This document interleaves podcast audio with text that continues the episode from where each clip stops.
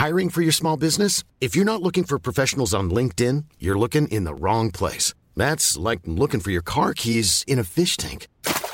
LinkedIn helps you hire professionals you can't find anywhere else, even those who aren't actively searching for a new job but might be open to the perfect role. In a given month, over 70% of LinkedIn users don't even visit other leading job sites. So start looking in the right place. With LinkedIn, you can hire professionals like a professional. Post your free job on linkedin.com slash people today. This is Paige, the co-host of Giggly Squad, and I want to tell you about a company that I've been loving, Olive and June. Olive and June gives you everything that you need for a salon quality manicure in one box. And if you break it down, it really comes out to $2 a manicure, which is absolutely insane. It's also so easy to get salon worthy nails at home with Olive and June. The difference between how your nails used to look when you did them yourself and now with the Manny system is a complete game changer. The best thing about Olive and June too is it's a quick dry, dries in about one minute, lasts for five days, and full coverage in up to one to two coats. Visit oliveandjune.com slash perfect Manny 20 for 20% off your first system. That's oliveandjune.com slash perfect Manny 20 for 20% off your first system. Millions of people have lost weight with personalized plans from Noom, like Evan, who can't stand salads and still lost 50 pounds. Salads, generally, for most people, are the easy button, right? For me, that wasn't an option. I never really was a salad guy. That's just not who I am. But Noom worked for me. Get your personalized plan today at Noom.com. Real Noom user compensated to provide their story. In four weeks, the typical Noom user can expect to lose one to two pounds per week. Individual results may vary.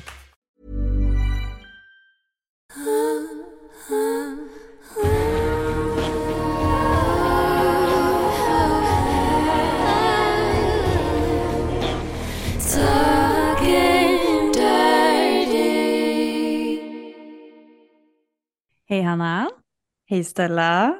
hur mår du idag?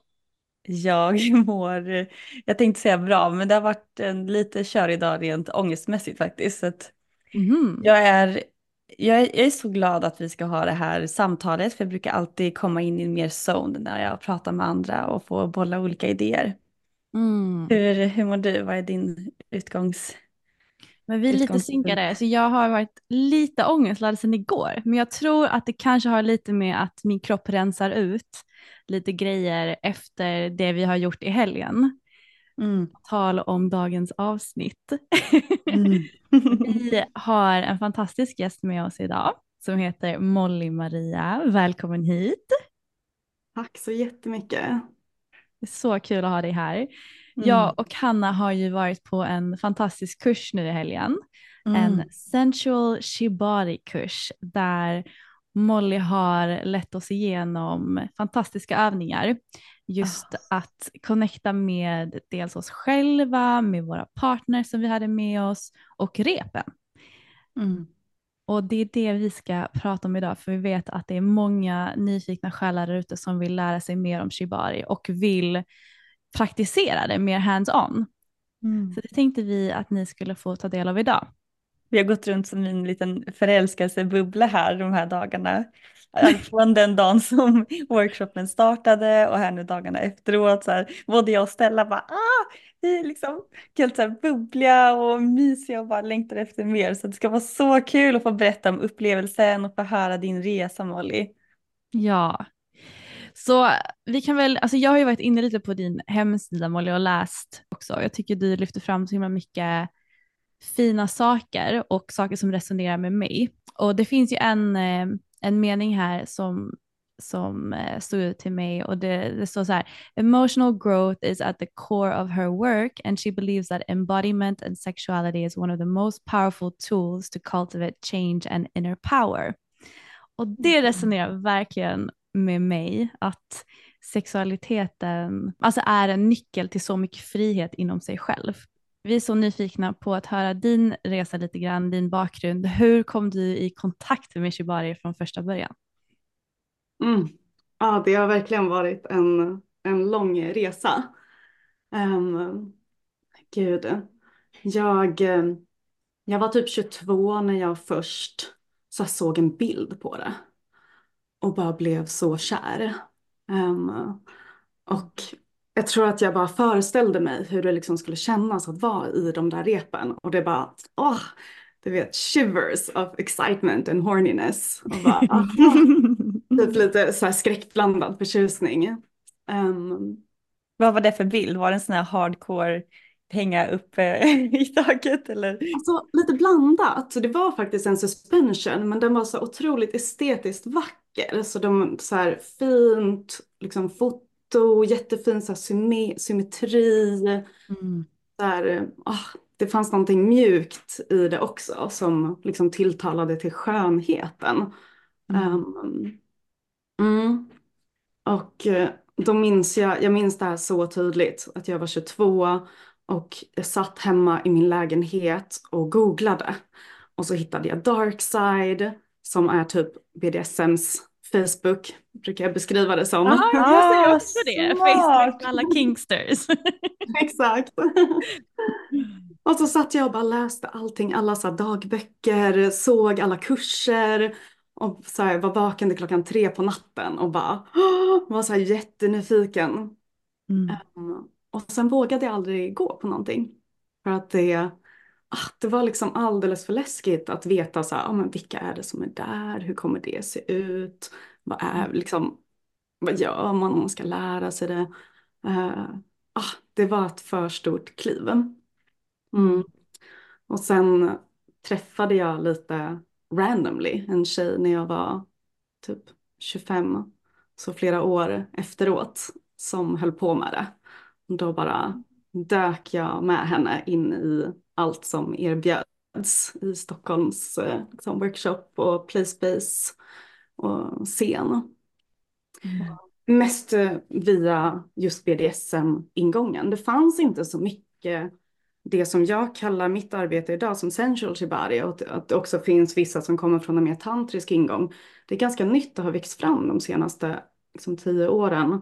Så det hade jag absolut ingen aning om. Jag vet inte ens om det faktiskt fanns.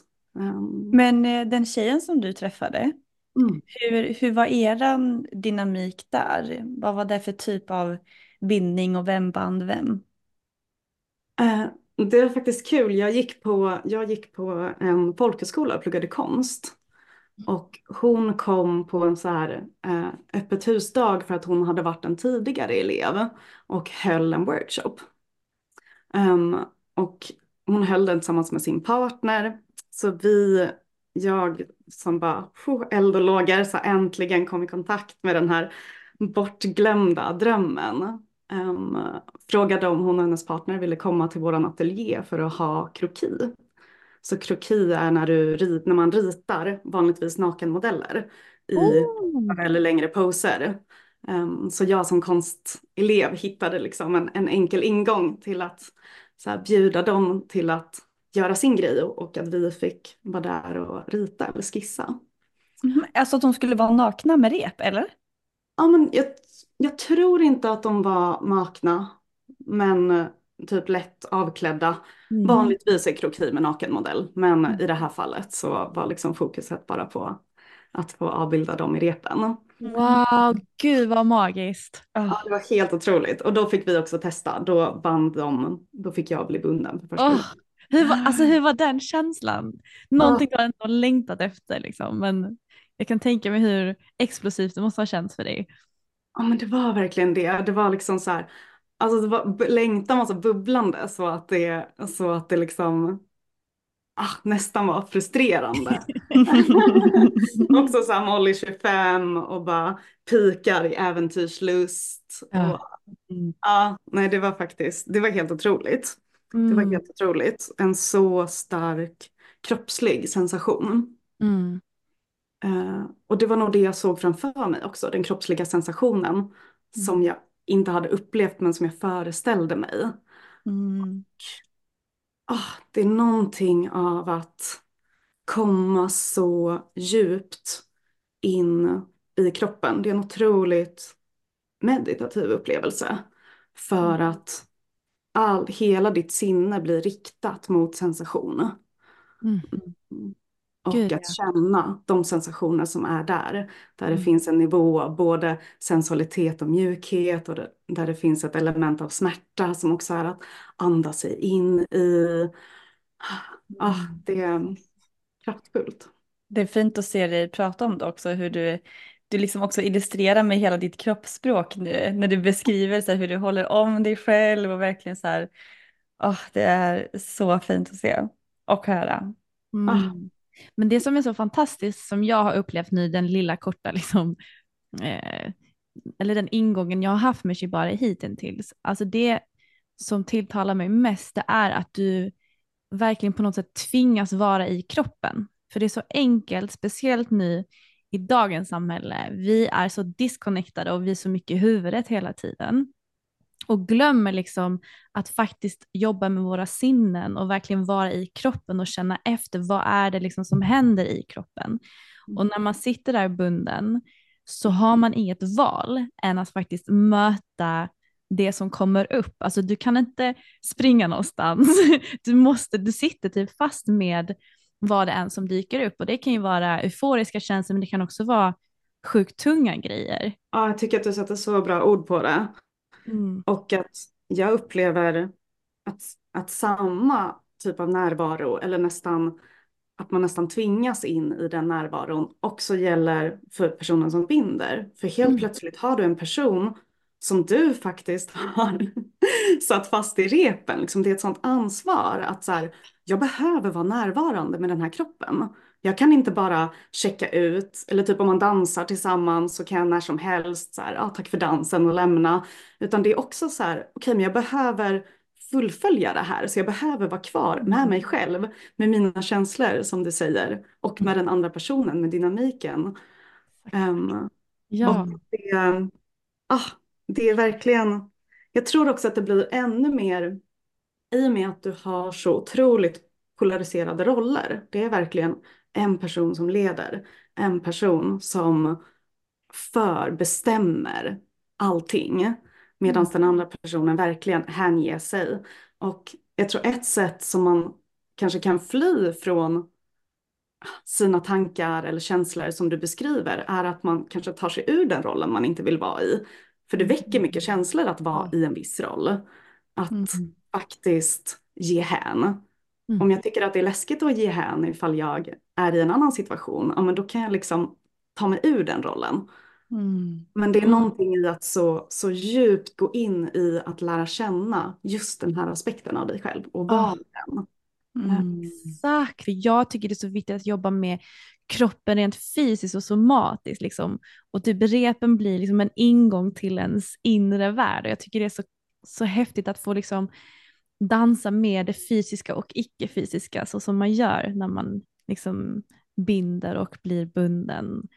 Mm. Och, ehm, men, men det jag tänkte fråga dig Molly, för att alltså nu har vi ju Alltså vi, vi, eller jag, alltså vi har ju kommit in på att det, här, det känns ju väldigt läkande och väldigt närvarande och väldigt fint och vackert. Men det var väl inte så shibarin, det var väl inte det som var intentionen med shibarin från första början, alltså om, om man tänker rent historiskt. Och så tänker jag att det kan vara ett perfekt tillfälle att bara förklara för de som inte är så insatta vad shibari vad, Mm. vad är shibari? För nu har vi ju slängt oss lite grann med det ordet och jag tror att man har förstått att det handlar om rep och att någon blir bunden kanske. Mm. Eh, men du får jätte, jättegärna eh, berätta lite, precis det som Stella var inne på, kanske lite historien, var det kommer ifrån och vad, vad, innebär, vad innebär shibari? Ja, så rimlig eh, sak att ta upp. jo, um, shibari betyder egentligen ungefär att binda. Och det behöver egentligen inte mm, bara referera till den här intima konstformen som vi pratar om nu, utan det, kom, det, det är ett ord som kommer från Japan. Um, och ja, det är intressant att också förstå att shibari har växt fram ur en japansk kontext där till exempel rep har en historisk roll på ett helt annat sätt än vad det finns i väst. I, i väst.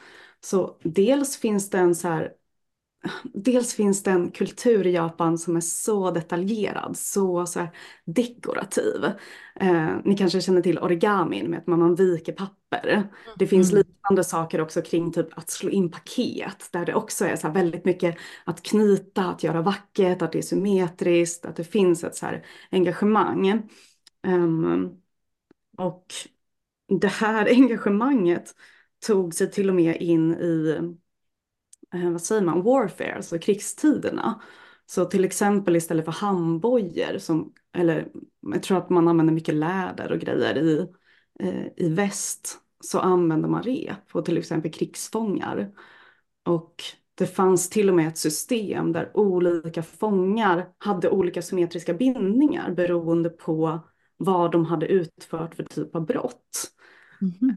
Sen fanns det också väldigt mycket typ tortyrmetoder som involverade rep som då handlade om att faktiskt binda kroppen på ett så smärtsamt sätt som möjligt som faktiskt ledde till permanenta skador. Mm. Så det fanns liksom en väldigt så här, utarbetad teknik kring hur använder man rep på kroppen. Mm. Och det fanns också en väldigt stark aspekt av skam i det här. För ett sätt som det användes var att man till exempel fick gå som en walk of shame genom stan. Att bli sedd i repen var liksom bland det mest skamfyllda för att det var då kopplat till att vara busted. Att ha Ah. gripen eller vara fånge. Mm. Så den liksom väldigt, väldigt starka skammen eh, finns inne i det. Och sen som i, sen som i de flesta med, med historia överlag så plockar ofta konsten upp det som har hänt. För att kanske gestalta så här, krigsmålningar eller teatrar. Och det var också det som började hända med repen i Japan. Man började se det i olika typer av konstsammanhang. Kanske Mm. bilder till en början med. ehm, och också olika typer av shower.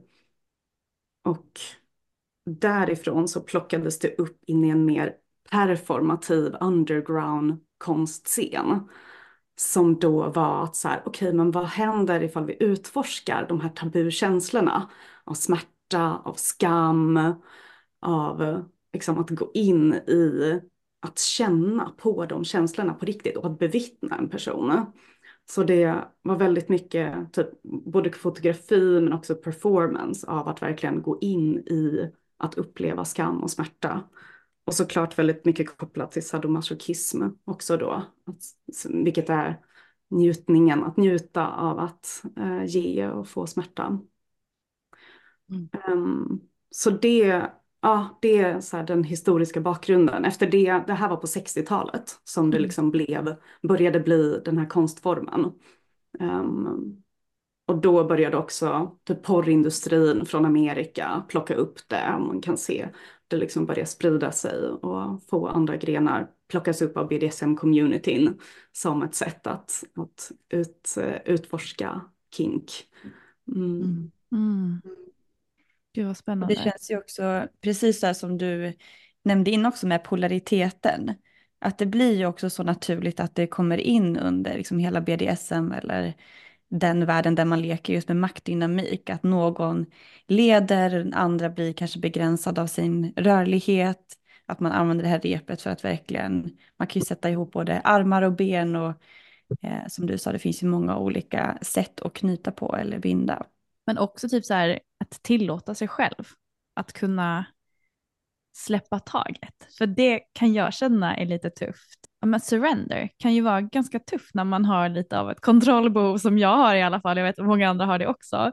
Att lita på att någon annan kan leda en. Att liksom Mm. ge den gåvan till den personen egentligen. För jag kände ju liksom när jag blev bunden, så jag var så här, men du, eh, ska du inte, du ska över och under, exakt så ska det, jag bara, ställa, bara vara tyst, låt honom få liksom hitta sin väg och han har Molly han kan fråga, jag, var, jag hade så svårt ibland att släppa taget.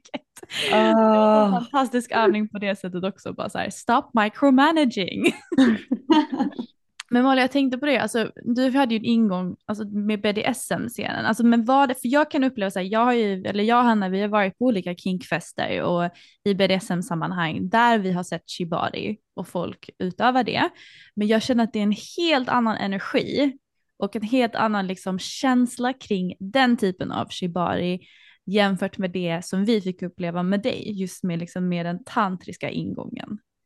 Och det, alltså, vad skulle du säga är den stora skillnaden där? Jag, kan, jag kanske kan berätta lite om min resa från att ha varit i BDSM-scenen ja. och hur det liksom har växt mot ja. att bli något annat. Yes. För yes. Ah, det är så, ja, men till att börja med så vill jag säga att någonting som jag verkligen, någonting som jag verkligen eh, tycker om med BDSM-scenen och som var så kraftfullt för mig när jag kom dit. Det var att det fanns ett fokus på att uppleva kropp, njutning, spänning, sexualitet som inte hade någon förväntan på att det skulle leda till penetrativt sex.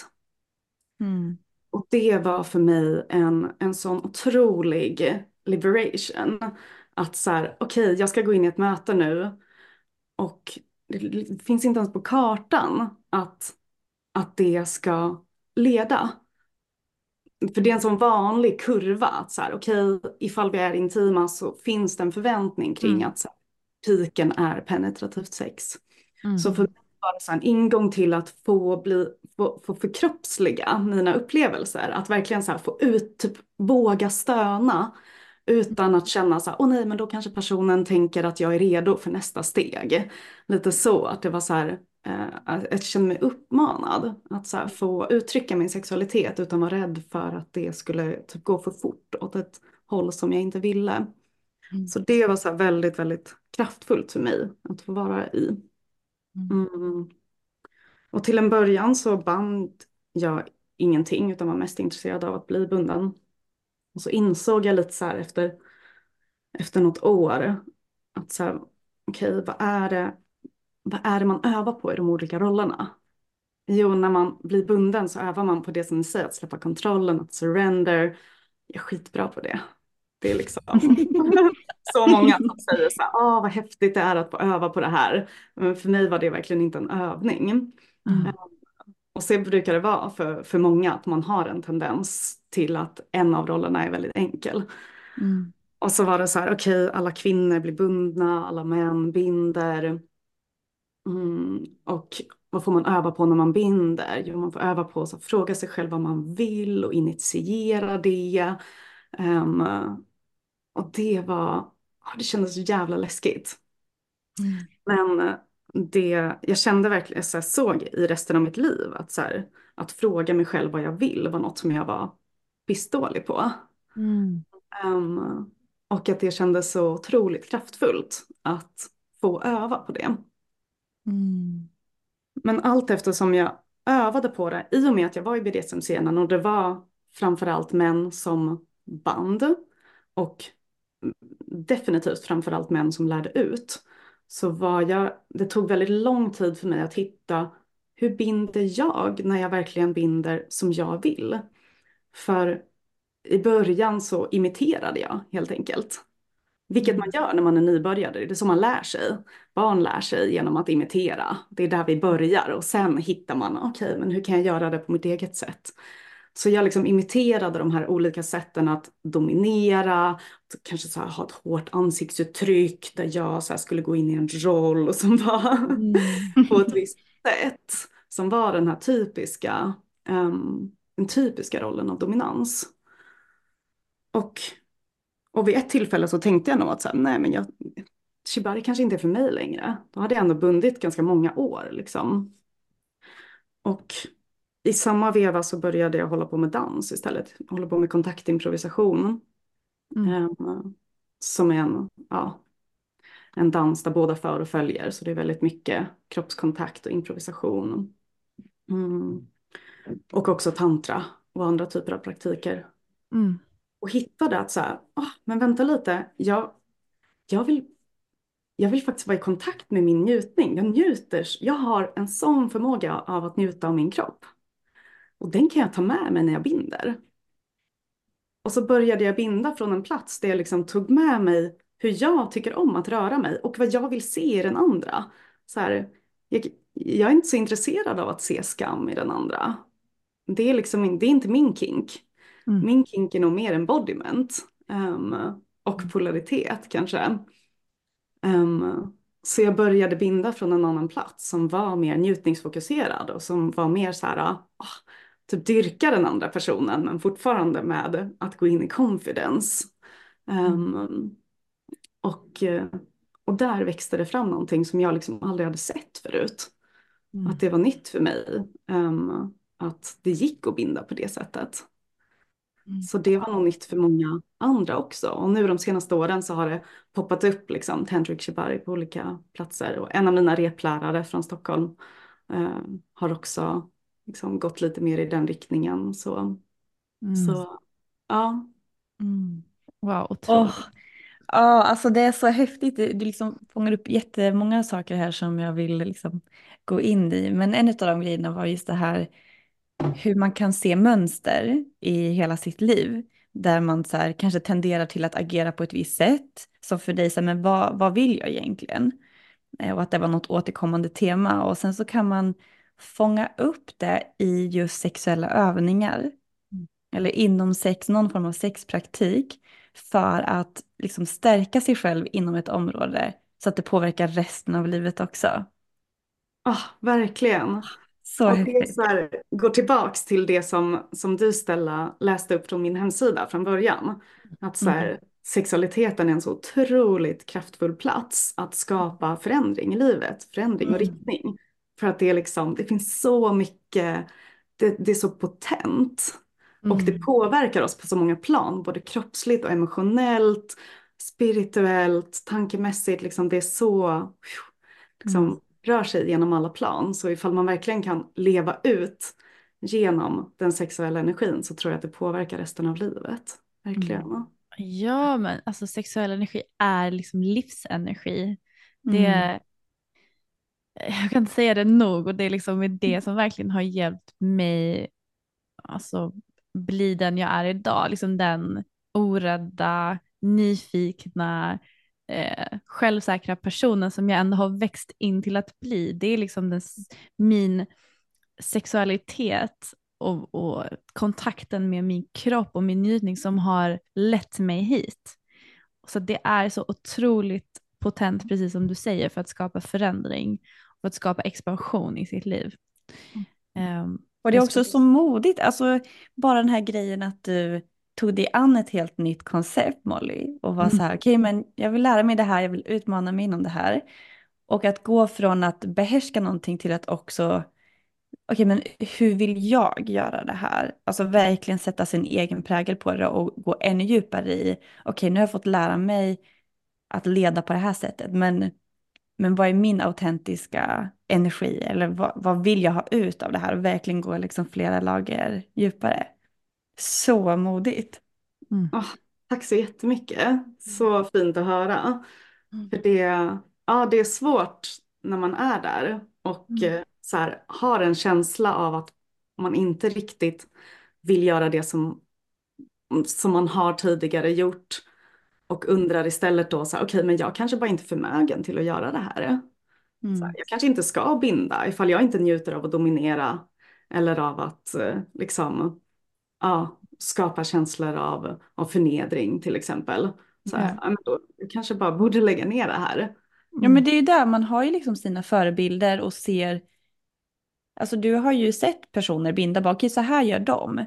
Och så kanske inte du kände då att du passade in i den mallen, bara, ah, ja men då får jag väl, då får jag väl ge upp det här. Men istället så kunde du forma liksom en helt ny, en helt ny väg och verkligen låta människor få se, okej det här sättet finns också. Mm. Du får representera en, en, ny, en ny smak, en ny väg som så många längtar efter. Mm, ja men det är verkligen spännande att, att förena dem. Det är mm. det. Och att det finns, jag tycker det, det finns så mycket det finns så mycket vackert i praktiken som är bortom smärtan.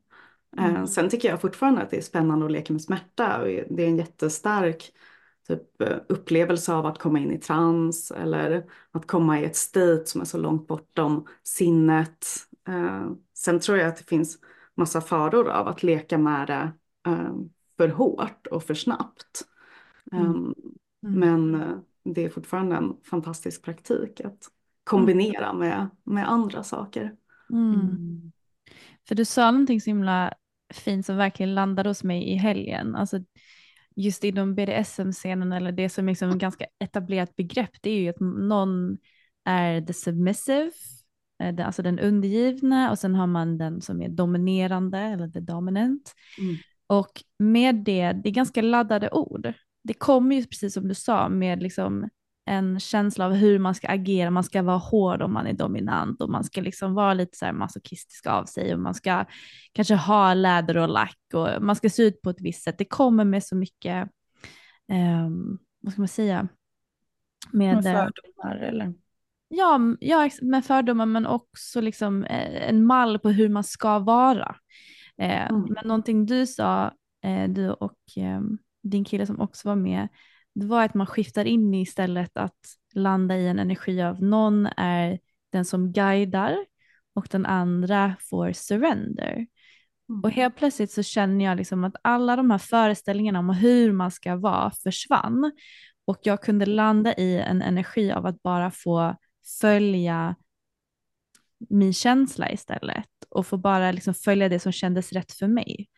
Att, att tillåta mig att bli guidad kändes så mycket enklare att kunna ehm, knyta an med istället för att känna nu ska jag bli dominerad. Och samma sak när jag skulle då knyta på min partner som jag hade där. Så här, om någon hade sagt nu ska du vara dominant, du ska vara den dominanta och knyta, jag bara men gud nu får jag så här press, hur är en dominant, okej gud måste jag vara hård i tonläget eller vad, vad kommer det med för uttryck? Men istället Mm. bara få guida, det kändes så mycket liksom mer, jag vet inte, det var, det var, eh, förstår ni vad jag menar? Förstår du vad jag menar? Alltså, är ja, men det, liksom- var... det är svårt att uttrycka det här liksom. men, men jag känner att det här är så mycket enklare ah, att bara få att, att få liksom utforska mer autentiskt på något sätt. Men det är det som är så häftigt tycker jag. Alltså jag fick också en sån här livskris under den här helgen. Eh, men alltså, och så här, insikter och det var, alltså, det, det var så många saker. Men, men just det som du ställer inne på nu med Ja. val av ord. Ja. Så att dominant och undergiven, det har jag också relaterat till på lite samma sätt som dig. Mm. Eh, och har mycket föreställningar om hur det ska vara och då tycker jag, nej men jag vill vara en undergiven eh, gullig tjej där eh, mannen tar mig med storm och är dominant liksom. Eh, men sen då när man byter ut dominant och undergiven till okej, ledande, att ha en eldig ledande energi eh, eller att få följa med eller ta emot eller surrender. Alltså det var verkligen, där kunde jag direkt se mig själv. Får mig att tänka på något din partner sa, får jag, får jag dela det? Ja, dela det. Är det okej? Ja, ja. Han sa i slutet att, eh, att han eh, kände sig lite arg. Mm. Du liksom inte har visat det här tidigare för att du var, så, du var så otrolig på att gå in i den rollen av att leda från den här fiery um, guidande platsen som också är att ta någon med storm men kanske inte mm, ja, Mm. Ja, men det är så, det är så kul, precis. Min kille sa ju det på slutet som lite så här reflektion, att han hade blivit upprörd. men, det- men det var just det, för- du, du nämnde det också, att man har en känsla, eller att eh, man lätt kan känna av vad som faller sig mest naturligt när vi skulle testa att binda och bli bunden. Och alltså, jag blir också så irriterad för att jag tänker ju att jag ska vara undergiven och hela den där balletten. Men sen så när vi testade, alltså det, jag, det var så skönt att binda och vara den som ledde och styrde. Kan du Och- berätta, vad var det som var skönt? Det var lite som det Stella var inne på förut om man liksom jämför. Eh, när jag blev bunden så kunde jag känna lite sådär, tankarna var vä- väldigt mycket igång i huvudet och att jag kunde känna så här, men, ja men, eller ska du, eh, som att jag ville in och styra på något sätt. Ja men nu hamnar repet lite grann där, kan, ska, du, ska han dra ner det eller ska han in, nej okej, ja okej, Aha, nu valde han att, att luta mig åt höger men jag ville vara lite mer lutad åt vänster. Och så, eh, men när jag eh, skulle binda då var det som att jag hade det var så terapeutiskt för jag hade ett syfte, jag visste vart jag skulle med repet. Eh, det kändes som att det också föll sig ganska naturligt med det. Och sen så en av mina kinks är ju att jag älskar att förföra. Jag har haft lite svårt att placera det, men, men att det är ju också en väldigt ledande energi. Att vara den som förför och som Ja, jag, vet, ja, men jag, fick den här mm. känslan av att förföra, att så här, jag vet vart jag är på väg och jag kunde ju se också, min kille han älskar ju att bli bunden. Och han eh, älskar att bli allmänt så här, smekt på och omhändertagen. Han blir som en liten, en liten fluffig pöl typ. så att det var också kombinationen där av att se hans reaktion som bara gjorde att jag kände mig så duktig också. Mm. Eh, men att jag kunde verkligen, då var jag i kroppen. Alltså då tänkte jag inte på något annat eller liksom ingen irritation utan bara sådär, okej nu ska repet vara här, oh, nu blir det hårt och nu blir det fint eller lite sådana tankar kom upp. Oh, jag älskar verkligen att du, äh, att du bjuder in ordet förföra. För det är verkligen, som du säger, det är en så ledande kraft och den är så juicy. Mm. Det är verkligen så här, det kommer från pleasure. Att vara, i, att vara en förförerska är verkligen att vara i kontakt med sin egen njutning. Och att det är så långt ifrån det som vi pratade om, så här, idén om hur en dominant person ser ut, så här, lite hård typ. Mm. Uh, så det känns verkligen, uh, ja det känns uh. sant i mig också.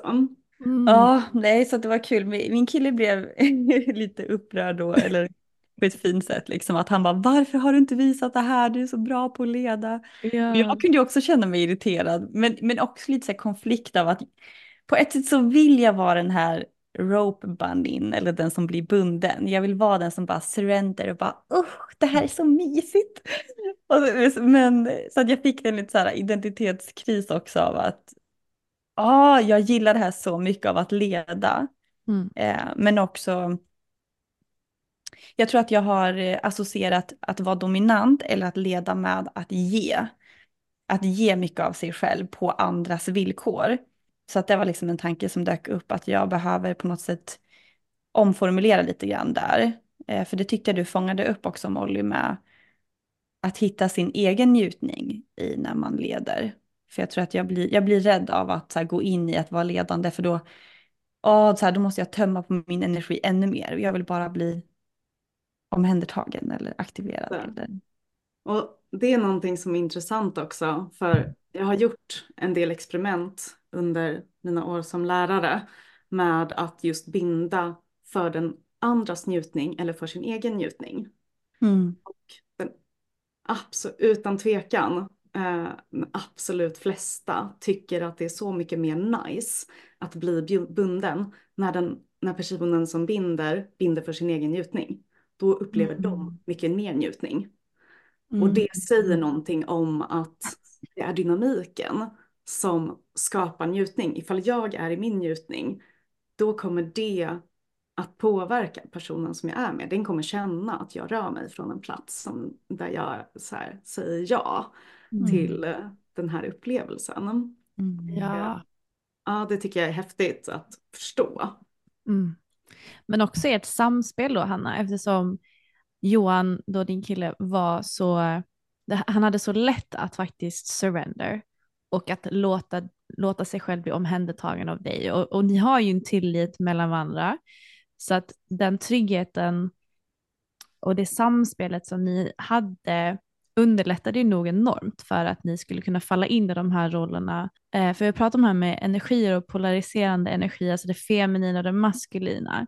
Alltså någonstans så måste man en person gå in i en energi och en, en roll man ska säga, och den andra måste gå in i den polariserande för att det ska liksom bli ett samspel. Ja men exakt. Särskilt inom den spirituella världen upplever jag, eh, man följer sådana konton också, det är väldigt mycket fokus på att man som kvinna eller så ska vara mycket i sin feminina energi. Alltså de gångerna då jag har mått som bäst så är det ju i ändå ganska mycket den här maskulina energin. Men jag älskar att göra listor, jag älskar att planera, jag älskar gymmet där jag har liksom ett tydligt mål och väldigt sådär. Eh, jag älskar att jobba som ledare och liksom. Jag tror jag insåg mer också nu att så här, när jag går in i min ledande roll så ger det min kropp en möjlighet att så här, åh, nu kan jag när jag får den här strukturen, när jag börjar leda eller när jag sätter de här ramarna så då kan jag verkligen luta mig tillbaks och vara i min kropp. Jag skulle vilja lägga in en sak i, den, Ja. i, den, i det temat. För jag tycker att det är jätteviktigt, någonting som kanske ofta inte pratas om är att det också finns ett feminint ledarskap. Att det Mm. finns både det maskulina och det feminina är ju Mm. principer, arketyper som finns i både män och kvinnor. Eller hur? Det är någonting Mm. som bara symboliserar ett sätt att vara. Mm. Men både inom det maskulina och feminina så finns det också en passiv och aktiv roll. Mm. Och det feminina är, har en passiv roll eller som är receptiv i att bara surrender till exempel. Men det Mm. finns också en aktiv roll, vilket är att låta livsenergin flöda. Alltså till exempel när inspiration kommer och den liksom bursts out of you. Det är också ett sätt att leda. Det är inte leda på samma sätt som du pratar om som är den här maskulina som blir dränerande. Kanske att så här, Mm. ha jättetydliga mål och jobba mot dem. Mm. Men att agera och leda kan fortfarande komma från en feminin plats. Mm. Som till exempel är i kontakt med sin egen njutning. Jag Mm. känner jättemycket att jag är i kontakt med mitt feminina när jag binder. Mm. Och att jag skulle kunna binda på ett maskulint sätt och jag skulle kunna binda på ett feminint sätt. Jag skulle också kunna bli bunden på ett maskulint sätt. Vilket då är att kanske gå mer in i stillhet. Att till exempel meditera. Det finns en arketyp för, det, för den maskulina principen, vilken är, vilket är guden Shiva em, i hinduistisk tradition. Som bara sitter i meditation i tusentals år. Det är liksom stillheten, att hålla space. Ah. Det är en maskulin princip. Och den är stilla. På samma sätt som det finns en feminin att ta emot, vilket då kanske är att jag ah, låter mig själv, liksom när jag blir bunden och är mitt feminina, men då kommer jag flöda med, då kommer jag stöna, då kommer jag liksom röra mig. Om jag är mitt maskulina så kommer jag bara uh, vara i att ta emot och hålla allting som jag känner utan att uttrycka det. Så den... ja, Alltså det- gud Molly, det här var så bra. Alltså det var exakt, jag var så här, nu satte du verkligen ord på det. Alltså det var så, Mm. exakt så. Ja, Mm. för någonting som du tyvärr missade Hanna, det var ju en otrolig session som Molly då hade med en av deltagarna som du har knutit med Åh. ganska mycket, eller hur Molly? Ja, det är en nära vän till mig. Ja, och alltså, alltså jag, jag hamnade i typ trans när jag tittade på er. Eh, och jag kände liksom så här äh, att det var en, vad ska man säga, det var precis som du sa precis, att man kan knyta på ett feminint sätt och ett maskulint sätt. Men jag kände ändå så här, även fast jag kände den maskulina energin var närvarande, för att du höll, höll henne liksom, så var det Mm. ändå så mycket feminin energi från dig också i sättet du rörde dig och rörde henne och band henne och liksom era ljud och er connection. Alltså det var så, wow, alltså jag bara kände typ mitt hjärtchakra var on fire och fladdrade så bara den. Och jag bara, jag sa ju till Molly innan, jag bara, Molly vi ska filma lite kanske och hjälpa dig med lite content. Men jag, jag typ glömde bort min telefon. Så jag bara, jag är i trans, det här är typ något av det, på riktigt något av det vackraste jag har sett alltså. Och jag kan bara så här, det här, det är dit jag vill, kände jag bara så här. Jag vill vara eh, då din partner som du band just där och jag bara, jag vill vara, jag vill, jag vill bli omhändertagen av Molly. det var så jag kände. Gärna. Alltså det var så, och jag, och jag, alltså du vet jag har ju, jag berättat om den här kursen för mina nära vänner och de, alltså jag var såhär, ni måste gå den här kursen och de bara nej nej, alltså säg bara till när nästa är för jag ska dit, jag bara och då ska vi se till att vi blir bundna av Molly allihopa.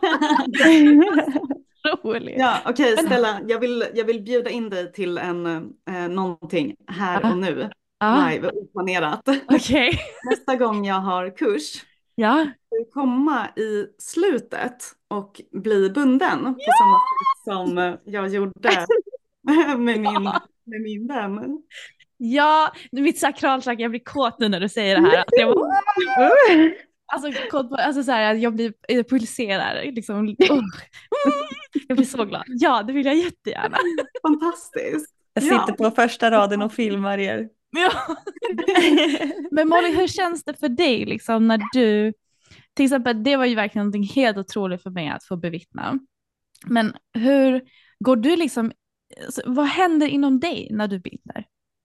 Mm, vilken bra fråga. Mm. Jag tror att jag, eh, ja men till en början så är jag väldigt mycket i att få den andra personen ut ur sitt huvud. Mm. Som ni beskrev att så här, ah, okej, oj, kanske repet ska upp lite eller du vet, det är för att man fortfarande är i huvudet. Mm. Så först är jag bara så mån om att gå in i kroppen. Mm. Både i mig själv, för ifall jag får gå in i min kropp eh, genom den andra, till exempel genom att ta på den andras kropp, då är det någonting som tar mig bort från huvudet. Och det ger att, gör typ att jag kommer i kontakt med en mer intuitiv eh, känsla. Att jag inte försöker planera vad det är jag ska göra utan jag försöker komma i kontakt med så här, okej, vad, vad känner jag i den här stunden istället. Mm. Och sen, ah, det är verkligen, ja, men det, jag tror att jag är väldigt mycket i kontakt med eh, alltså min egen njutning. Och särskilt om jag binder med någon som jag alltså verkligen känner mig trygg med. Som jag vet är öppen att ta emot allt som jag har att ge. För det kan vara läskigt om man binder med någon som är ny. Då är det svinläskigt att så här, oj men kommer jag gå över dens gränser? Vad, vad blir för mycket? Vad blir för sexuellt? Men när jag, när jag binder med någon som jag verkligen är trygg med, då tror jag att jag går jättemycket in i, jag tycker om att vara i energier. Alltså jag kan till och med tycka om idén av, jag vet inte om ni har hört det här förut, men det finns ett koncept av att ha en energikuk. Ja. Ah, Att man bara kan föreställa sig att så här, jag har en energi, alltså att det finns en ballos som kommer ut ur mig. Oh. Ehm, som bara är min så här, ah, min sexuella energi typ. Mm. och att det är som en Älskar. alltså energi.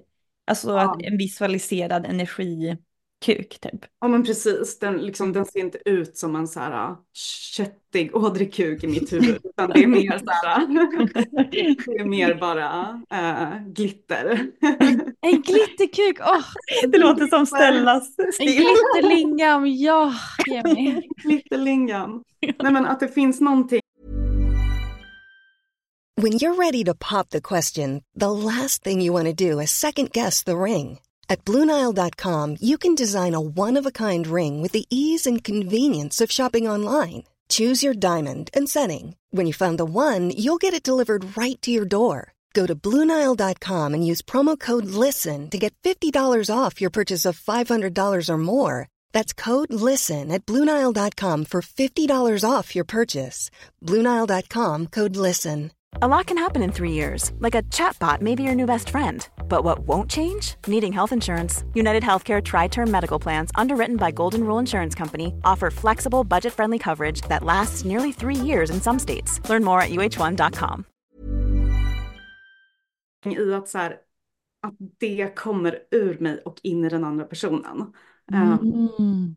och att så här, binda från den platsen då jag bara så här, ah, vill föra in mig själv i den andra på ett energetiskt plan. Det kanske Wow. låter superflummigt ifall, man, eh, ifall energier inte är någonting som man har lekt med. Men Ah, ja, om jag bara ska berätta min, min personliga Mm. story så finns det någonting där.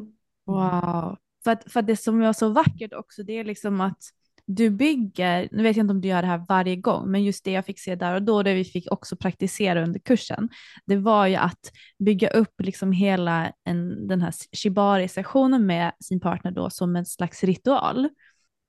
Du kanske kan berätta lite hur, man, hur, hur den ritualen liksom ser ut?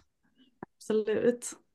Ja, just den här kursen som vi hade nu i helgen var ju en kombination av shibari och tantra. Mm. Och eh, jag har kurser som både är då med, med tantra-kopplingen eh, och som inte innehåller tantra. Men även när det inte innehåller tantra så, så finns det ändå ett element av att bygga upp sessioner. För att jag tror att det är så otroligt viktigt att göra det för att skapa en stark atmosfär. För det är det som vi vill göra. Vi vill gå in i en stark upplevelse med en annan person. Och då krävs det att så här, ah, okej, okay, vi sitter ner, vi känner in vad är närvarande i mig, vad längtar jag efter? Det är så lätt att ha en idé om att vad man vill, kanske dagen innan, men när man väl sitter där, vad är det jag verkligen längtar efter? Vad längtar min kropp efter? Vad längtar mitt hjärta efter? Vad längtar min yoni efter? Mm. Och sätta ord på det, det är ett, ett jättetydligt första steg i en ritual, att verkligen så här, hitta vad är det vi längtar efter? Mm. Och att sen så här, ta sin tid och gå in i kroppen, att ge kroppen vad, vad den vill ha. Och någonting som jag tycker jättemycket om att göra är att till och med vara lik, alltså vad säger man, att inte gå in i den här maktdynamiken från början utan kanske båda um, be om beröring. Att jag som binder också kan vara så här, ah, nu tar vi fem minuter där jag ber om vilken beröring som jag vill ha. Och att det blir någonting som skapar den här um, dynamiken sinsemellan som är så här, ah, vi tar hand om varandra och vi skapar det här tillsammans. Mm. Mm. Och att det är en förberedelse av kroppen, vilket är en förberedelse för känslorna. Mm. Så, ja, och sen i den tantriska ritualismen så går det mycket mer djupare och eh, handlar om att verkligen skapa ett fält som är så kraftfullt som möjligt för att um, egentligen för att stärka den uh, insikten om your, your true essence as divine. Att verkligen gå in att se varandra som det vackraste, mest mm. magiska mm. manifestationen av, av här, den här världen. Och att kanske också skicka iväg energin på slutet för att manifestera antingen personliga drömmar eller mm. vara i kontakt. Mm. Mm. Jag, älskar, jag, älskar, verkligen ritualism. Jag tycker att det är så mm. spännande att det bara är, det handlar om att hitta symbolik och ja. att förstärka upplevelser genom symbolik. Mm, verkligen. Nej, alltså det här resonerar så mycket med mig. Alltså sättet du har lärt ut. Jag längtar bara efter mer känner jag. ja, jag med. Jag har fått sån inspiration att bara så här eller jag känner mig så förvirrad på ett sätt. Men, men jag, känner, jag känner att du öppnade upp en, eh, vad ska man säga, du kickar igång saker här va? så att jag känner att så här, det är någonting här som jag verkligen har längtat efter, som jag inte kan sätta ord på eller som jag inte hittat begrepp som passar mig. Och att jag verkligen så här, äh, men det är, det är någonting här och jag, jag älskar hur du liksom har bara sått massa olika frön, inte bara det här kreativa, hur man kan knyta vackert och fint och hur man kan använda beröringen, men också det här med ledarskap och eller vilken energi man har och allting. Så att det är en, en förvirring, livskris som på det bästa sättet som man kan ha förvirrad livskris. Jag ser det som en typ en katalysator för dig Hanna. Ja exakt, ja men verkligen. Oh, oh, nej, men nu fick jag verkligen möta det här motståndet med att, eh, att jag gillar att vara ledande och Johan älskar att ta emot. oh, jag ska ta hand om min lilla, min lilla, min lilla boll där borta.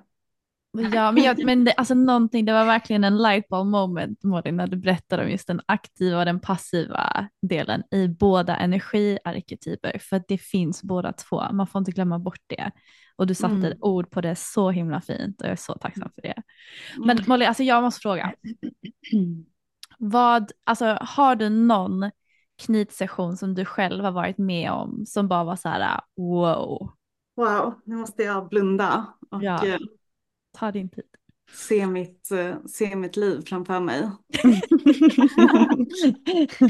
Livet snabbspolas framför dig. Ja, men det är två saker som kommer upp framför mig. Mm. Och den ena var när jag, när jag var ganska ny i Shibari och faktiskt själv blev bunden. Och då var det mycket mer inslag av liksom BDSM, att jag verkligen var där, jag var också lite yngre med den här personen. Som var både äldre, mycket mer erfaren och jag har så kastat mig ut i en inbjudan att faktiskt vara hemma hos den här personen. Och det finns en så här väldigt tydlig liksom, makthierarki redan från att kliva in genom dörren. Mm. Och så här, nervositeten som finns i kroppen. Och att sen bli bunden och mm, så här, väldigt långsamt och bara bli observerad. Mm. Hur det så här, åh, känns så blottande. Ja. Så, så blottande. Och jag tror att ja, det är så spännande för hade jag blivit det idag så hade jag, då hade jag njutit så mycket av det för att jag hade känt mig så himla vacker och det hade bara varit så här, åh.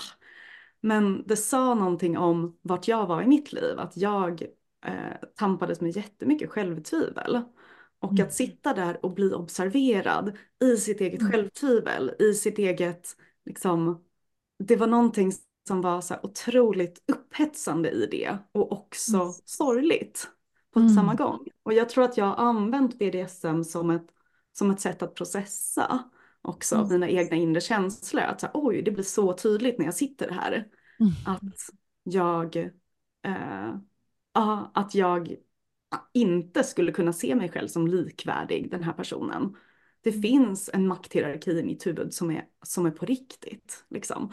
Och det blev ett sätt för mig att bearbeta det. Ehm, och Ja. jag tror att någonting som jag är så lycklig över är att jag, att, för jag tror att det är väldigt lätt att fastna där också. För att det blir, det blir ett intresse och det blir en identitet. Att så här, okej, men jag identifierar, identifierar mig som, som sub och jag vill bli förnedrad. Mm. Och att sen inte ta sig bort därifrån. Och jag tror att för mig blev det ett sätt att, eh, att jobba med min personliga utveckling snarare än att skapa en identitet i just den rollen. Mm. Och det, det är något som jag är väldigt tacksam för. Gud vad Eh, intressant. Och Mm. det var väldigt spännande, även fast det liksom Mm. Det känns, det känns sorgligt att tit- titta på de minnena i efterhand. Men det Mm. var också ett väldigt spännande sätt att bearbeta Mm. sin tid. Mm. Ja, Wow. väldigt nöjsamt och eh, hett. Mm. Ah. Alltså det är så djupt, jag vill bara Det är säga så det. djupt, ja. det, är så det är liksom det är ibland när man pratar om så här, vi har en sexpodd, vi pratar om sex och så här olika grejer. Och så här, i mitt huvud kan jag liksom höra de här uh, naysayers eller alla haters som bara, åh det är så himla ytligt, blä", liksom. Men alltså att sex och allt det här, det är så djupt. Alltså man kan gå så djupt i sin personliga utveckling, liksom eh, finna sig själv och sin trygghet eller hur man leder och bara, Mm. åh, så vackert. Mm. Ah, verkligen. Mm. Har du någonting Molly som du känner liksom du lyfta fram när det kommer till vad repen har hjälpt dig mest med? Ja. ja, men jag tror att det verkligen är det här som jag är inne på förut. Alltså fråga mig själv, vad vill jag? Mm. För att det blir så otroligt tydligt när jag sitter där och jag håller i repen. Att jag känner, det är så, det är som natt och dag. Att när, efter att jag har varit i en repsession, ifall jag har gett utan att jag verkligen har varit i min egen njutning. Att jag, när jag liksom in, när jag kanske har gjort vad jag tänker att man ska göra eller vad den andra vill. När jag inte har varit i kontakt med, vad vill jag? Då känner jag mig dränerad. Mm. Medans om jag är i kontakt med, okej vad, vad, vad vill jag och agerar därifrån så känner jag mig påfylld. Men har du något, har du något exempel där på hur, vad det betyder, eller för i mitt huvud så tänker jag så här när man, när man binder så kan det inte se ut, eller vänta hur ska jag uttrycka mig? På ett sätt så tänker jag att det kan se ut på många sätt. men, men jag har svårt att se framför mig så här hur jag skulle binda annorlunda för min njutning. Eller kan, kan du liksom ge något exempel på vad, hur skulle det kunna se ut om du jämför med där du binder för Jag tror inte- Jag tror inte att det handlar om att det ser ut på ett särskilt annorlunda sätt. Utan Okej. det handlar om hur jag känner när jag gör det. Ifall jag är i mitt huvud och tänker nu borde jag nog göra någonting som är eh, lite så här mjukt att ta hand om och nu borde jag nog göra någonting som är lite mer kontrast. Då Mm. är jag hela tiden i att jag forcerar någonting inom mig själv och där jag hela tiden är lite så här gissar och undrar och kanske så här, ta- jag märker bara av att prata om det så märker jag hur jag spänner mig i kroppen. Mm. Vilket gör att jag faktiskt inte har det här liksom flödet av okej, jag, jag är i kontakt med vad jag vill Mm. eh, och agerar därifrån. Så det, det är mer så här vart det kommer ifrån i kroppen. Mm. Mm. Och att det handlar så himla mycket om att till exempel ah, när jag, ifall jag märker att jag blir stressad, att våga för min egen skull då ta några andetag där jag bara typ lägger min vikt på den andra personen. Mm. Ah, Och kommer i kontakt. Ah, det, det är vad jag vill just nu. Mm. Ehm, eller ifall jag, ah, vad det nu är för viljor som kommer upp, om det är kåthet eller om det är alltså att jag vill skratta, att jag vill vara busig. Jag kan ju vara busig för att jag tänker att nu ska jag vara rolig. Eller så är det, kommer det från en så här, eh, en impuls som verkligen är sann. Mm. Ehm, Just det. ja, att, Just det. att så här, hela tiden våga fråga mig själv, vad, vad är sant just nu? Mm. Och Kanske våga- lite, kanske lite släppa prestationen också så att inte, för det vet jag tyckte var en jättehärlig grej eh, under workshopen. Att man växlade mellan att man knöt, eh, kanske lindade repet runt överkroppen eller skulle göra någon form av knut och att så här, eh, ta en paus, lägga en hand på sin partners kropp eller smeka. Att så här, eh, för en sån grej skulle göra jättestor skillnad för mig tror jag, om jag skulle gå mer in i att knyta. Att verkligen använda mig av det, att inte gå in i så här perfektion, att nu ska jag knyta på, på rätt sätt. Den här liksom intentionen, ja men det, det ska vara på den här stilen med det här, så här snabbt eller så här bra. Eh, och att byta det till att istället så här, okej nu har jag dragit repet runt hans kropp, ja, men nu vill jag krama honom. Mm. Eller nu vill jag bara smeka längs med repet. Nu vill jag ta en liten paus och bara lägga min hand och så här verkligen tillåta mig själv att göra det i min takt. Mm. Och leta efter njutningen i det. Verkligen. Jag, bara, jag måste lägga till en sak på innan vad det har gett mig. Ah. Eh, confidence. Mm. Mm. Åh, berätta mer. Självförtroende i intima situationer. Åh. Det tror jag är kanske det absolut största. Har du några exempel där på hur det har liksom yttrat sig eller på vilket sätt du har mer självförtroende?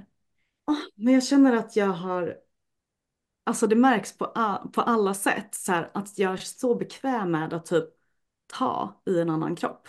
Mm. Jag så här, vågar lägga mina händer och använda min kropp tillsammans med en annan kropp. Och också bara hur jag så här, alltså hur min blick vågar så här, ta in en annan person.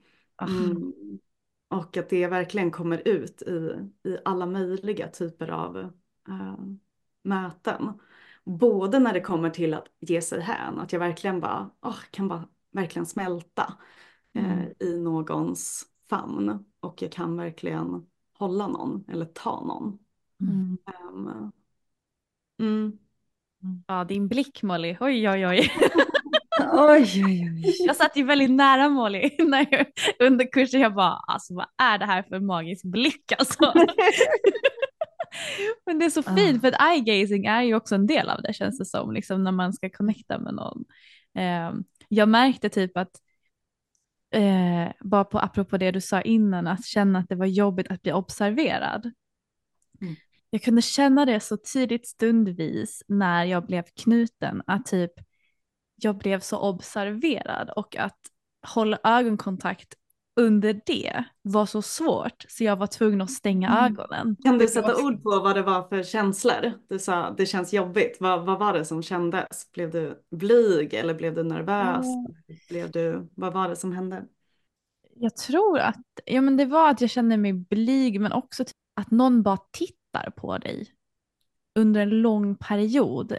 Så börjar mina tankar springa iväg. Bara, Åh gud, är någonting fel på mig? Är mitt ögonbryn snett? Eh, har jag en finne på Mm. hakan? Vad tittar han på? Eh, är jag, alltså det är så här, jag börjar gå in i de tankarna. Så så här, om någon glor på mig för länge, bara, nu är någonting fel. Eller de letar fel, eller de kanske ser alla mina skavanker. Svårt att sätta ord Det är så intressant att det skulle vara tanken istället för wow, ifall han vill titta på mig så här länge måste jag vara en fucking goddess. Jag vet, men det var verkligen, alltså det skiftade Mm. Molly. Det skiftade så mycket. Ibland bara kände jag så här, ah, titta inte på mig just nu, känner mig inte, alltså så gud, åh jättejobbigt. Och ibland bara, hello. Hello. Det var verkligen så, åh, det var det som var så otroligt också med den här helgen. Så här, man upplevde sånt spektra av känslor. alltså, det var, Men ja, det var verkligen din, din dejt hade också en väldigt juicy blick. Han var duktig på att titta på dig. Såg jag. I... Och du vet, vi hade ju bara, det här var ju tredje gången vi har träffats Molly. Så var, vi har ju inte, och, och jag ska också säga det, alltså vi har ju träffats två gånger. Och båda gångerna var på kinkfester, så det var väldigt annorlunda miljö. Wow. Och eh, jag skojade med honom och sa också, jag bara, du vet att det här är ändå vår tredje, typ, alltså så här, tredje gången vi ses och det är första gången vi ses med, med kläder på. Annars var det så här äh, underkläder och grejer, men ja, det var väldigt speciellt. Jag tyckte det var modigt att han följde med.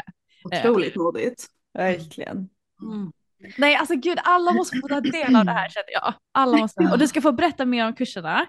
Jag vill bara också dela det här, för jag tror också det är en viktig aspekt att lyfta typ om det finns några risker, liksom, eller Ja. vad man ska, hur man ska närma sig det här med ändå en försiktighet. Ja, så viktig fråga. Mm, ja, men det finns två aspekter av, av säkerhet, vilket är fysisk säkerhet och emotionell säkerhet. Och den fysiska säkerheten så finns det, det finns risk för att till och med få permanenta nervskador.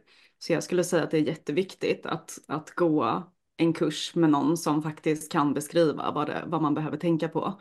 För vet man vad man behöver tänka på, men då, eh, då skulle jag säga att inte, då är det otroligt sällsynt att det finns eh, liksom skador som sker.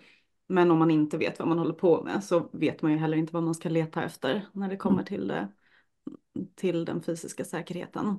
Mm. Så det är superviktigt. Mm. Och emotionella, ah, det är ett så stort ämne. Mhm. Mm. Men det finns ju, jag ska se vart jag, vart jag vill börja. Alltså en sak som jag tänker är otroligt viktig är att även om man börjar hålla på med shibari utifrån ett mjukt och sensuellt perspektiv så finns det ändå element där, där smärta är med och man kanske också har eh, smärta som, alltså att man verkligen är nyfiken på att le leka med masochism. Och det är så himla viktigt då att förstå nervsystemet och förstå vad händer när kroppen tar emot smärta och att förstå de signalerna för att det finns en så stor risk, särskilt ifall vi tar emot smärta för snabbt så är det jättelätt att gå in i chock. Och när du går in i chock, det kan hända att du inte ens märker det.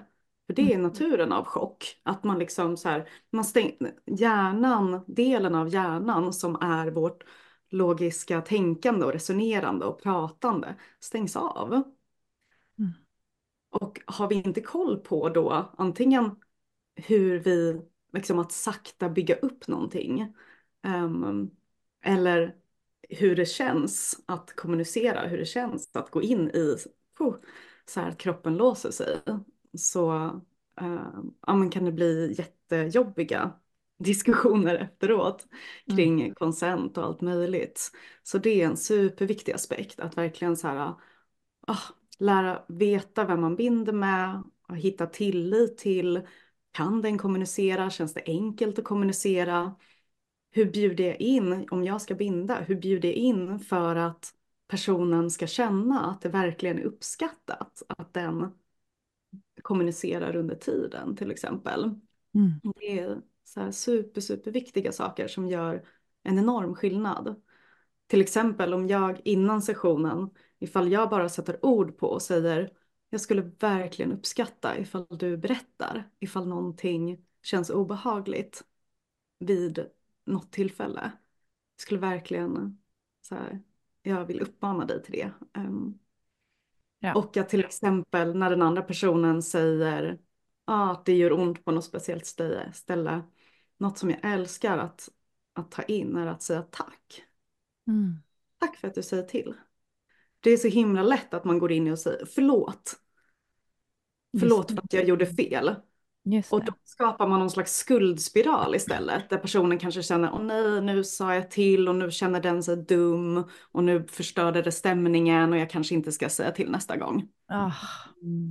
Men ifall jag istället, och också när jag, ifall jag känner någonting och så vet jag redan så här, okej men vänta om jag säger till någonting då kanske det blir dålig stämning. Mm. Ah, Det är så himla lätt. Men ifall jag istället säger tack, tack för att du delar med dig. Mm. Då blir det en så, en sån lättnad. Så här, ah, wow, vad fint och skönt det var att kommunicera. Mm. Så ja men massa sådana saker. Mm.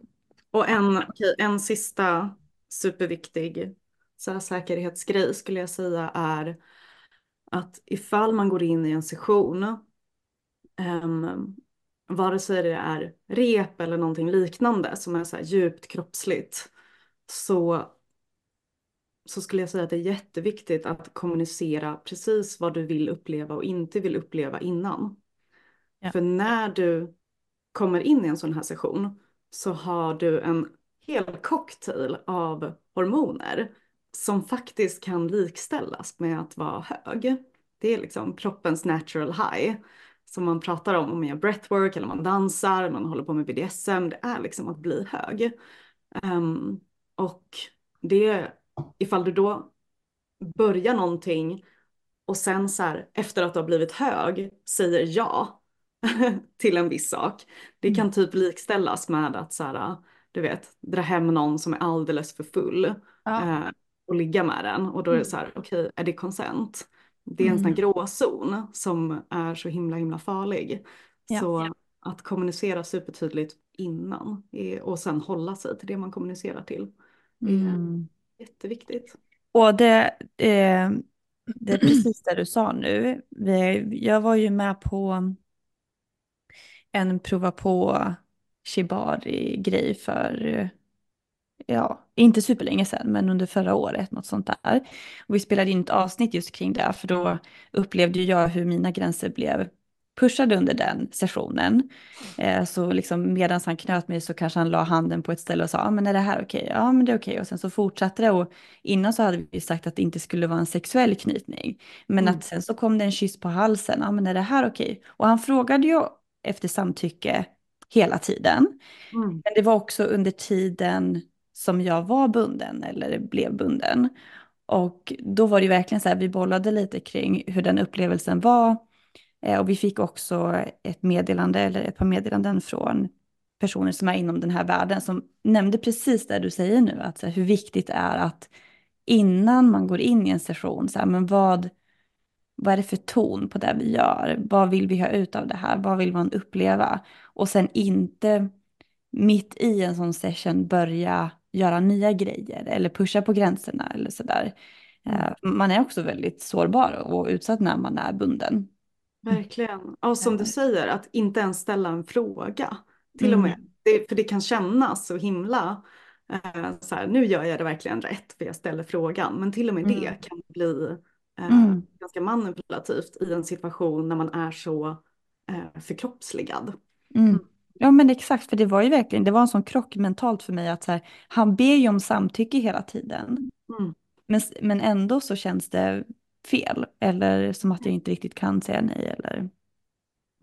Så bra exempel på den, på den grejen. Men var det inte också typ att han först gav dig en kyss och bara kändes det här okej? Alltså det var att han agerade först och sen bad om Ja, jo, jo, han gjorde ju sådana grejer också, precis. Ja, la handen insida lår och sen bara, känns det här okej? Så att han gjorde ju liksom ändå, han checkade av men han gjorde ju också saker innan han checkade av. Mm. Ja, så att det här liksom med att kommunicera innan, särskilt när man är så utsatt ändå som man kan vara när man är bunden. Det, det tar jag verkligen med mig också extra mycket nu, att så här, okej men vad ska, det, vad, vad ska vi göra under den här session och sen bara hålla sig till den. Ja. Ja, det där är så intressant. Det har verkligen varit min största utmaning i att bli bekväm och verkligen älska att binda. Att jag har varit så otroligt rädd för att gå över folks gränser. Mm. Och till och med ifall jag har varit med personer som har sagt åh, det här känns toppen, du kan göra vad du vill. Så har jag varit så mån om att så här, okej men vad betyder det och kan jag verkligen lita på Mm. dig? Och det tror jag också är en legitim fråga att ställa sig själv. För bara för att någon ger samtycke så är det också så här, okej, litar jag på att den har självkännedomen Mm. som behövs för att verkligen veta vart ens gränser går? Litar jag på att den har självförtroendet att kommunicera när Ja. det behövs? Och det kanske jag inte vet ifall jag träffar någon som är ny. Mm. Så, Exakt. Mm. Ja, jag måste bara dela ett sista exempel innan vi avrundar. Alltså det är på tal om det här. är, När jag band då min eh, partner under helgen så eh, vi band ju först en provgång liksom mest för att få in teknikerna och sen skulle vi göra liksom en sensuell mer liksom runda av samma bindningsteknik. Och då så frågade jag honom efter den första gången inför nästa den andra gången då, så här, men är det någonting du vill att jag ska göra annorlunda eller hur kändes det? Och så där. Han bara, nej men du kan binda lite hårdare. Jag bara okej perfekt. Så jag band lite hårdare och jag checkade in hela tiden, bara känns det här okej? Ja det känns jättebra. Och sen så efteråt så, så började han hålla på så här, ah shit jag har typ tappat känsel och ja, ah, det, jag så här började åma sig, bara, men, va, men va, är det okej eller? Han bara, nej men det var, det var nog lite hårt. Jag bara, men det måste du ju säga. Han bara, nej men vadå, jag kan ta det. Jag bara, men det handlar inte om att du är en man och kan ta smärta och att ditt ego ska ta plats här. Det handlar om att jag måste lita på att du talar sanning så att det finns liksom en trust mellan oss när vi, när vi samarbetar kring det här. Och, och jag kände typ mig lite irriterad efteråt. Att Mm. han bara, nej men vadå jag kan ju ta det, jag är ju stark liksom kille eller man. Och så här, jag bara, men det handlar inte om det. Alltså jag måste kunna lita på att du har den självkännedomen och kan uttrycka dig till mig om någonting inte känns bekvämt. Mm. Så att det går ju both ways liksom. Inte bara att den som blir bunden ska, alltså inte bara att det ska kännas tryggt för den som blir bunden precis som för dig Hanna när du blev bunden, men också som du säger Molly att för den som binder också, det måste finnas en Mm. tillit att den som jag binder kan uttrycka det som känns bra och det som inte känns bra. Ah, verkligen. Mm. Åh, ja. Åh. Ja, det, det, det, det är en av de här grejerna som gör att jag också känner mig så stressad över att gå in i mer ledande energi. För att jag har ändå varit väldigt duktig på att stå ut med saker som jag inte borde stå ut med. Mm. Liksom, särskilt det för jag har haft, eh, det, det kanske inte du vet Molly, men jag har haft en del eh, problem med smärtor i bäckenbotten. Mm. Och att det gör ont när man har penetrationssex. Och jag har ju verkligen, alltså ja men det här, lite people pleasing, jag vill kunna ha sex, jag, jag blir säkert kåt av det. Så att då liksom tillåter jag saker som inte är så bekvämt. Mm. Ehm, men det har ju gjort min kille jätteledsen när det kommer fram efteråt. Att säga, jo men jag hade ont typ ja, större delen. Eller, ja, han bara, men varför sa du ingenting? Så här, och nu när man, när man börjar bli mer i den här eh, ledande energin och, och gör saker, då inser jag också hur, hur jobbigt det är när någon inte är ärlig med dens upplevelse. Eller liksom står ut med grejer för min skull. Fast jag vill ju ge dem Exakt. en bra upplevelse och sen så typ står de ut med obehag för att jag ska må bra fast jag mår inte bra om inte de mår bra. Alltså det, blir- det blir så Verkligen. konstigt. Ja. Så en Exakt. tankeställare till mig själv också. Mm. Ja, men det är, en sån, det är en sån fin sak att veta att så här, när jag kommunicerar det jag behöver så Mm. gör jag inte det bara för mig utan jag Nej. gör det också för dig. Jag gör det för Mm. min partners skull. Mm. Exakt. Ja. Ja. Och det är en grej som, som jag tänker att jag också vill nämna eh, apropå varför jag ändå har varit så så här, åh shibari jag vill göra mer. Och det är sån här känslan av att verkligen bli hållen. Mm. Att det är som en kram. Alltså jag, jag kan så här jämföra det med, när jag förklarar för folk som inte vet vad det är så brukar jag säga, men det känns som typ ett tyngdtäcke. Eller som att någon bara kramar dig, alltså verkligen kramar dig så här hårt och men ändå så här mysigt. Och eh, jag kom in första dagen, för det var ju två dagar den här workshopen som vi hade. Eh, och första dagen, alltså jag var i eh, dåligt känsloläge, framförallt den dagen. Jag hade precis haft ett jättejobbigt samtal med mina föräldrar dagen innan. Eh, och hamnat i bråk eh, kring typ att vi håller den här podden och eh, ja. Så att det liksom förstärkte min livskris lite grann där med att känna, vad, gör jag rätt eller ja, man får mycket så skam och så projicerat på sig. Så att det var så fint när vi skulle göra den där bindningen där repen var som runt kroppen. Och att jag verkligen fick känna det här. Och det är verkligen som att någon kramar mig nu och inte släpper taget. Mm. Så att det var, åh, det var, det är verkligen typ det jag har längtat efter med shibarin framförallt. Att verkligen bara få känna mig kramad och hållen. Och inte det här, kommer de släppa taget? Hur länge ska vi kramas? Vad ska vi göra? Utan bara så här, repen sitter ju där och så bara, nu är jag helt hållen i det här. Mm. Så jag började ju gråta också under mm. eh, den sessionen och det var bara så fint att känna vilken trygghet det kan ge. Att ha de där repen runt sig och bara, ja, det var, det var så, så fint. Så det vill jag också. Mm. Gud vad fint att höra. Ja, och det var så fint. Du kom ju att checka in också efteråt och ville se om allt var okej. Okay. Mm. Men ja. det är det jag tycker också är så härligt med Shibarin, att det är, man kan ju gå in, så många olika ingångar. Mm. Eh, och exakt det här försöker jag lära ut också i mina kurser, där jag lär ut kvinnor och så med onani och sex. Att när man kan gå in i en övning, oavsett om det är shibari eller bara att onanera, att så här, alla känslor alltså, är verkligen välkomna. Eller att den session som man har kan vara till för att få gå in i gråt eller ilska eller behöver inte bara vara det här heta, häftiga, maktdynamik eller mm. sensualitet mm. utan så här, det kan också bara vara riktigt jobbigt att behöva få gråta ut. Mm. Ja, verkligen. Um, jag tror att jag gråter typ, jag gråter säkert tre av tio gånger jag har sex med min Bara för att jag kommer i kontakt ah. med mina känslor. Ja, under sexet? Ja. Ah. Mm. Ja. Det var intressant. Det, alltså det... det är så frigörande för mig. Mm. Ja. ja, man kommer verkligen i kontakt med, med kropp, eller kroppen blir som trygg på att processa saker. Mm. Mm. Apropå det, alltså min eh, tjejkompis, eh, hennes eh, mormor gick bort igår och mm. hon sa det typ att alltså dels hade hon levt ett fantastiskt liv och liksom så här, lämnat på ett jättefint sätt, men det ledde henne också till att när hon kom hem, att typ hennes sätt att processa liksom en sorg, den sorgen på något sätt, det var att gå in i sju timmar av self-pleasure. och hon liksom så här, för att det, när hon är i kontakt med sin njutning, det är då hon kan bearbeta sina känslor. Mm. Eh, oavsett vilken känsla det är.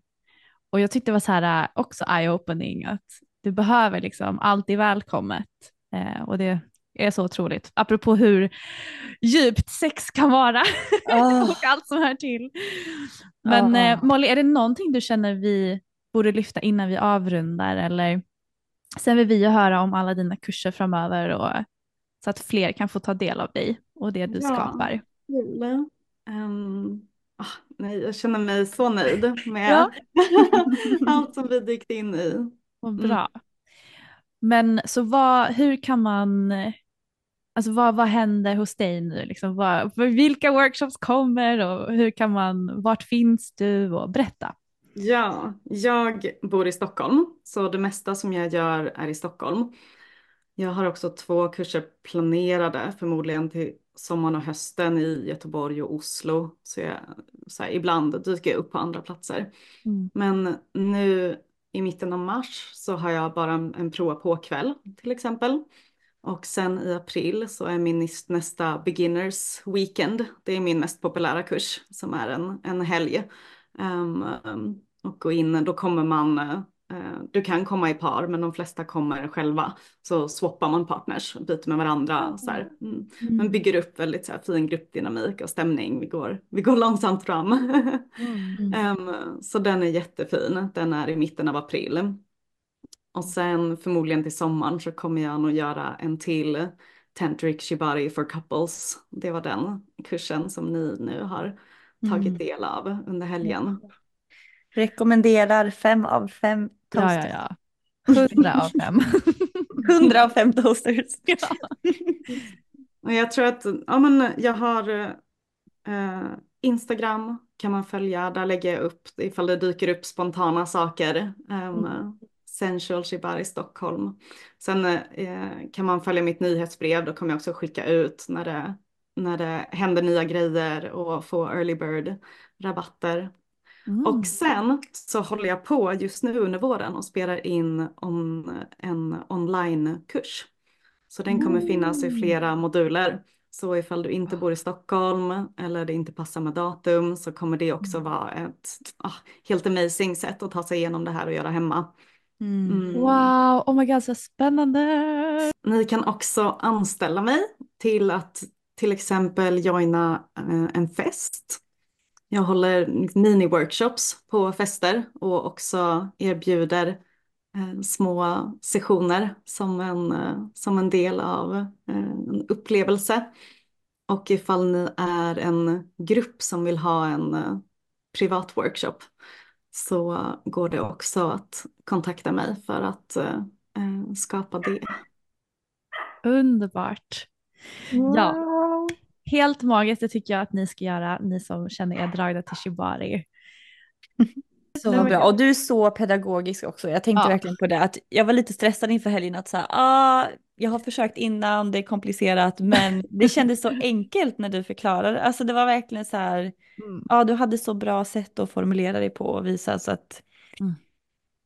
people sign up.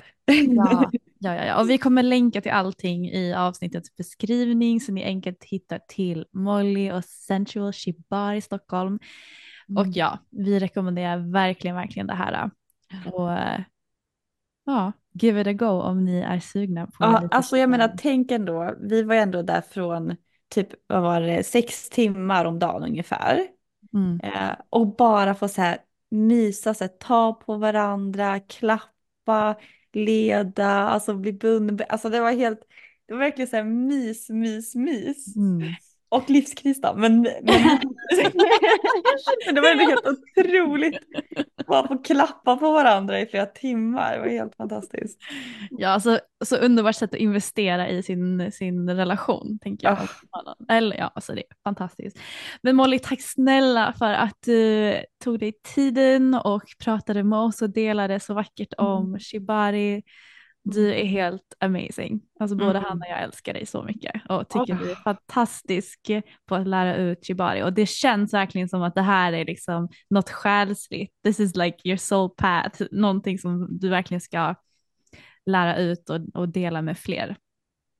Verkligen. Tack så jättemycket hörni, det är så fint att uh, vara här och ha er där på helgen. Ja, så himla himla, oh, yeah. älskar er också. mm.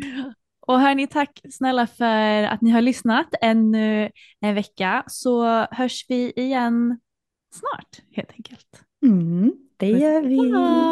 Puss och kram.